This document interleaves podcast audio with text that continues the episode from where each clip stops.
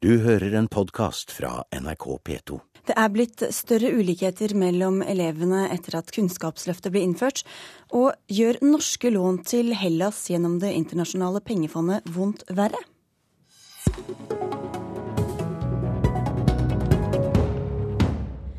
Spør vi snart her i Politisk kvarter. Forskjellene er blitt større i norsk grunnskole mellom elever med ressurssvake foreldre og dem med mor og far med høy lønn og lang utdannelse. Det viser forskningsinstituttet NOVAs evaluering av Kunnskapsløftet. Kunnskapsminister Kristin Halvorsen fra SV, hvor fornøyd er du med denne utviklingen? Nei, Den bekrefter dessverre noe som vi har fått rapporter fra Skole-Norge om. Bekymring for de elevene som presterer dårligst. Og Derfor har vi heldigvis satt i gang allerede tiltak for dem. Fordi vi ser at for mange av de som går ut av ungdomsskolen, leser og skriver og regner for dårlig. Og Derfor har vi laga et eget program for at de kan jobbe mer variert og praktisk. Og få flere innganger og få bedre kunnskapene sine før de begynner på videregående skole. Og Så langt har 7000 elever fått det tilbudet, og neste år får 6000 eh, elever det tilbudet. Men så skal vi ta de erfaringene vi har med oss derfra for å gjøre hele ungdomsskolen mer praktisk og, og, variert. Sånn at ikke bare de som har akademisk bakgrunn, men alle elever kjenner seg igjen. Men nå har SV sittet ved roret en stund. Hvorfor har dere ikke klart å utjevne de forskjellene i løpet av de årene? Ja, for Først så gjorde vi jo noen endringer i Kristin Clemets kunnskapsløft. Jeg mener at det akademiserte skolen for mye. F.eks. så gjorde vi det ikke lenger obligatorisk for alle elever å ha to fremmedspråk. Så argumentet er at det kunne vært verre? Jo, men her er det jo veldig viktig at vi har kunnskaper før vi gjør betydelige endringer. Og det er de kunnskapene, Dette er jo en rapport som vi har bestilt for gjennomgang av Kunnskapsløftet, men vi har allerede starta med den omleggingen. Jeg mener at Kristin Clemets variant av Kunnskapsløftet var for akademisk. akademisk at det gjorde uh, at mange elever ikke liksom fant seg igjen i skolen, og det er rapporter som vi har fått fra lærere underveis også. Derfor er vi da allerede i gang med å gjøre ungdomstrinnet mer praktisk og variert for å treffe flest mulig Hvordan elever. Vi skal jobbe praktisk og variert i alle fag. Vi skal innføre valgfag fra høsten av. Vi starter da med åttende trinn for å få opp motivasjonen blant elevene. Og så skal vi gjennomføre et femårsprogram overfor alle ungdomsskoler i hele Norge Sånn at lærerne får input og bedre opplæring i hvordan de skal være gode klasseledere, og hvordan vi skal gjøre skriving og lesing og regning mer praktisk og variert. Men, men, dere snakker jo hele tiden om å gripe inn tidlig. Hvordan hjelper det for alle de forskjellene som allerede er, er, er laget eller dannet grunnlag for i grunnskolen, at dere nå setter inn tiltak i ungdomsskolen? Ja, heldigvis så har vi jo lenge nå arbeida med det som vi kaller for tidlig innsats. Fordi det var en vente-og-se-holdning i skolen i forhold til eh, elever som kanskje sleit litt med å knekke lesekoden, eller strevde litt eh, spesielt i, i eh, regning. Og derfor så er vi veldig oppmerksom på at hvis første- og andreklassinger vi ser at de Eh, sliter, så skal man raskt sette i gang tiltak. Men vi kan jo ikke glemme de som går på ungdomsskolen, og som ikke har fått hjelp tidligere. Derfor så må vi sørge for å tilnærme oss denne utfordringen fra flere hold. Men denne rapporten eh, den viser også at eh, det er, i tillegg til matematikk, så er det en størst forskjellsøkning i de praktisk-estetiske fagene. Hvordan hjelper det da å innføre mer praktisk læring i stedet for å ja, ja jo mer praktisk læring f.eks. I, i matematikk, det betyr at du regner mer konkret og praktisk på en sånn måte at det er lettere for, eh, å forstå for flere eh, elever. Så praktisk, estetisk, det, eller praktisk tilnærming det dreier seg ikke bare om de estetiske fagene, det dreier seg om alle fagene. Og vi har veldig gode resultater fra den eh, kampanjen som vi har kalt for Ny GIV, som har pågått i to år i skolen nå den har jo ført til at en del av de elevene i 10. trinn som har fått tilbud om mer praktisk tilrettelagt opplæring, har plutselig eh, hatt betydelig framgang i løpet av kort tid. Og det tilsier jo bare at vi må ha en slik tilnærming mye tidligere i skoleløpet. Det er ingen grunn til å vente til at de kommer til 10. klasse før de får hjelp til dette. Men altså hva foreldrene tjener, hvor mange bøker de leser, hva slags utdannelse de har, det gjenspeiles altså i barnas karakter. Har skolen gjort seg for avhengig av foreldrenes bidrag? Ja, det er tre forhold som disse forskerne påpeker ved Kunnskapsløftet. Det ene er at foreldrenes rolle og forventningene til hvordan foreldrene følger opp elevene er forsterka. Og det kan jo bety at de som har størst ambisjoner på vegne av eh, barna sine, eh, er med på å bidra til de forskjellene. Men jeg er ikke mest bekymra for at noen flere elever får gode karakterer og seksere når de går ut av ungdomsskolen. Nei, det går mest, utover de, foreldre, de, som ikke har foreldre som er i den situasjonen. Jeg er mest bekymra for at det ser ut som vi glipper flere eh, av de som presterer dårligst. Det er flere som ikke får karakterer f.eks. i alle fag. Og det er derfor vi er så opptatt av at skolen sjøl må jobbe for å treffe disse eh, elevene bedre. Jo, men det var derfor jeg spurte også, Er de for avhengige av foreldrenes bidrag? Ja, hvis det er sånn at de elevene som ikke får noe Eh, hjelp og støtte hjemmefra faller akterut, så eh, er det selvfølgelig noe som vi må sørge for at skolen tar tak i. Men at, de, at foreldre er opptatt av ungenes utdanning og har krav og planer på vegne av dem, det er stort sett en positiv ressurs eh, for skolen. Men vi kan jo ikke tillate at det betyr at eh, flere dropper ut fordi de ikke får den tilsvarende backingen hjemmefra. Men SV har slagordet 'ulike mennesker, like muligheter'. Gjelder ikke det for skolen i dag? Jo, det er nettopp derfor vi har satt i gang hele dette store arbeidet for å endre ungdomsskolen, for å få den mer praktisk og variert, for å få bort det akademiske preget som Kristin Clemets kunnskapsløft hadde. Og i tillegg så avlyste vi det store privatiseringseksperimentet som ville ført til ytterligere forskjeller i skolen. Så dette er veldig viktig kunnskap for oss, for det betyr at vi kan justere kursen for Kunnskapsløftet, sånn at vi får med oss flere elever. Men er det nødvendigvis det at det er for akademisk, eller kan det like gjerne være det at lærerne ikke klarer å lære bort det akademiske på en riktig måte? Eh, jeg er ganske overbevist om at hvis man jobber på flere måter og mer variert, og flere elever kjenner seg igjen i den måten en jobber på i skolen, og mange har veldig stor nytte av å ha mer praktiske innganger til te teoretiske fag, så treffer vi mange flere eh, elever. Og det er en av de tingene som forskerne også påpeker, og som vi heldigvis allerede har sett, og derfor allerede har i gang, satt i gang en stor endring av. Men hvor mye av dette ligger i at lærerne ikke føler at de har kompetanse til å treffe alle elevene, da?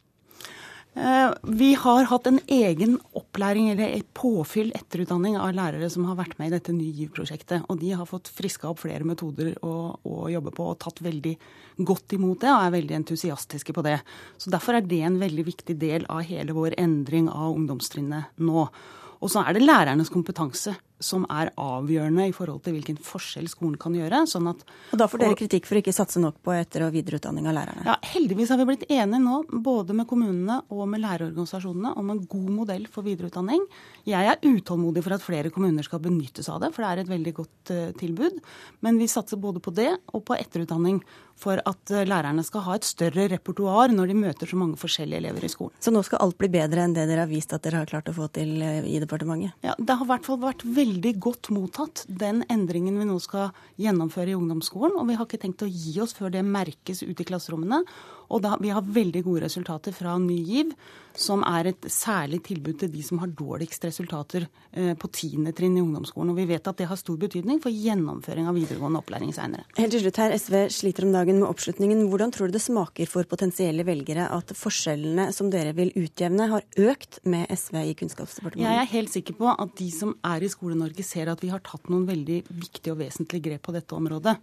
Eh, og at eh, den bekymringen mange har hatt gjennom eh, akademiseringa av skolen og Kunnskapsløftet og Kristin Clemets grep over det, at vi har svart på den, at vi endrer kursen for Kunnskapsløftet på dette området. Så jeg har veldig brei backing i Skole-Norge for de endringene som er gjort. Takk skal du ha, Kristin Halvorsen, for at du kom til Politisk kvarter.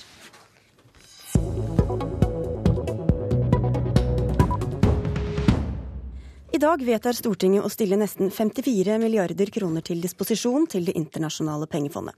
Pengene skal styrke fondets utlånsordninger, og kan bl.a. gå til å gi ytterligere lån til Hellas, som er inne i en dyp økonomisk krise, hvor det for øvrig også er valg om to dager. Bjørnar Moxnes, leder i partiet Rødt, du liker ikke dette i det hele tatt. Hvorfor ikke?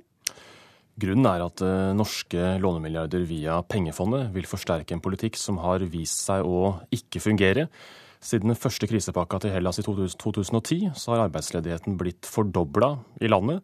Nå står hver andre grek, gresk ungdom uten arbeid. Eh, gjelda til Hellas er økt fra 130 til 165% av BNP. Og hvert fjerde greske barn vokser opp i fattigdom. Og Dette er alvorlig, og dette er pressa fram gjennom de lånebetingelsene som stilles av pengefondet, EUs sentralbank og EU.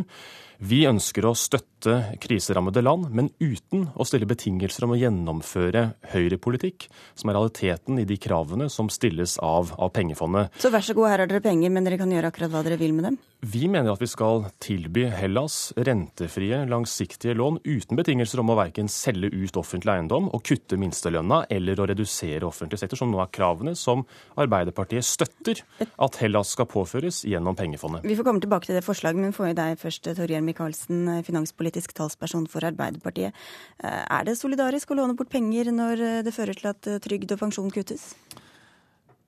Det er et vanskelig spørsmål å svare på. For det er ingen tvil om at for mange grekere og for mange andre mennesker som eh, er avhengig av brødfø sin familie, eller eh, ikke har noe særlig framtidstru i Sør-Europa, ikke bare i Hellas, men andre land, har det veldig tøft om dagen. Eh, det tror jeg vi alle skal bare erkjenne. Problemet er bare at det er en grunn til at de har det tøft. Og En av de grunnene er at de over lang tid har fått tilgang på nesten det Bjørnar Moxnes peker på. Billige, langsiktige lån, nesten uten betingelser, altså type som alle stater kan ta opp, fordi de har vært en del av et eurosystem som har gjort dem tilgang på kreditt på tysk hva skal jeg si, troverdighet. Det har gjennom veldig mange år ført til at man har brukt mye mer penger av de lånte pengene enn det man får inn. Og når man ikke har sammenheng mellom inntekter og utgifter i et land, så går det til slutt utover noen. Det er sånn det er. Så og Derfor betingelsen... har ikke grekerne dessverre noe valg enn at de er nødt til å få dette i orden. Så de betingelsene vi da stiller gjennom at de må kutte i offentlige budsjetter osv., det er rett og slett nødvendig? Ja, så Nå er jo ikke det slik at Norge sitter rundt de innerste kretser når det forhandles om disse tingene. Så ærlig tror jeg vi skal si eh, å være. Vi er et lite land, men vi er tross alt eh, Ja, vi er det. Vi er, det. Vi er et bra land, vi er et lite land. Ja. Vi bidrar med mye penger, da? Ja, altså. ja det gjør vi, og, og, og, det er, og det er viktig. Men la meg bare kort legge til det. Når det gjelder IMF generelt, så er det ikke riktig at det stilles den type krav som vi i gamle dager sa at, liksom, at IMF holder, holder, på med. Det, dette ble forlatt i 2009, men det er riktig at når det gjelder Hellas, mm. så var situasjonen så krevende at ikke bare IMF, men EU, som stiller opp som garantist for at landet skal være, være der, måtte også da eh, stille noen betingelser tilbake. Det vi har sett er at denne politikken som påtvinges Hellas, fører til eh, lavere vekst i økonomien. Det fører til at færre eh, kommer inn i arbeid, og at man får helt eh, hjerteskjærende resultater, hvor bl.a. vi har sett greske alenemødre må gi bort barna sine for de har ikke råd til å ta vare på dem. Det vi ser er jo at, at Syriza i Hellas, altså partiet som nå ligger an til å, til å vinne, som er et radikalt venstresideparti, sier jo to ting. For det første at de ønsker å stabilisere og gjenoppbygge økonomien. Og da vil de at også de rikeste i Hellas skal bidra til fellesskapet.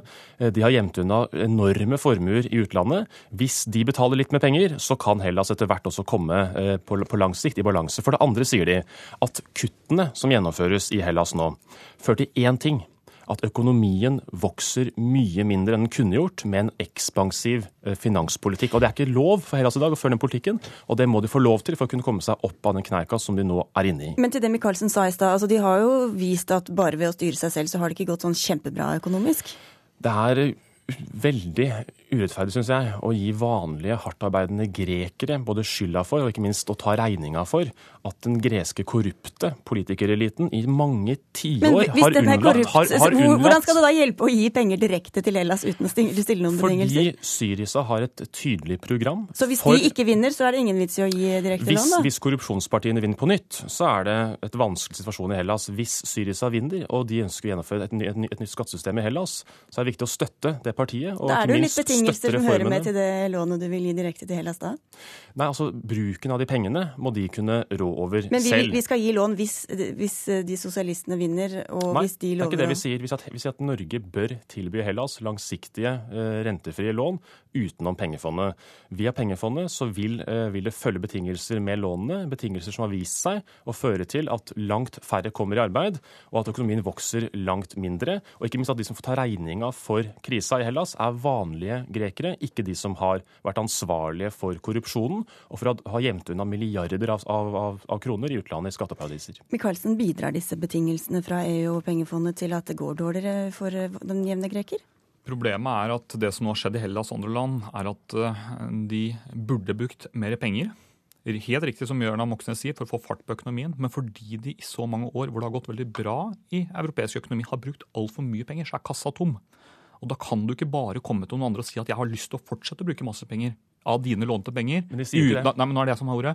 Men, men de har altså rett og slett ikke noe valg, fordi de må få budsjettene til å gå i hop. Sånn er også verden. I den vestlige Men hvorfor skal vi da stille betingelser om at de må kutte de offentlige budsjettene, så de i hvert fall ikke får økonomien på fot igjen? Men det er dette som er dilemmaet. ikke sant? Altså, De burde ha brukt mer penger. Men hvordan skal de gjøre det når de har overbrukt så til de grader over så mange år? Dette har vist seg ikke Jo, men fungere. Nei, men- det fungerer jo ikke. Og det er jeg enig i, derfor skal det bli veldig spennende da, å se nå hva som skjer etter at grekerne har gått til valgurnene på nytt. Så da må vi. Stille de betingelsene, Michaelsen. Nei, nå skal vi se hva som skjer, for det er mye som har, eh, tyder på at også EU har en viss interesse av at Hellas ikke går over ende. Og, og det har også Norge, fordi vi er veldig avhengig av det som skjer i Europa. Så det blir spennende å se på søndag. Vi burde heller stille pengene utenom pengefondet og uten de betingelsene som fører til lavere økonomisk vekst. Og søndag er det valg. Vi føler spent med. Takk skal dere ha for at dere kom til Politisk kvarter, som nå er slutt. Mitt navn er Sigrid Solund. Du har hørt en podkast fra NRK P2.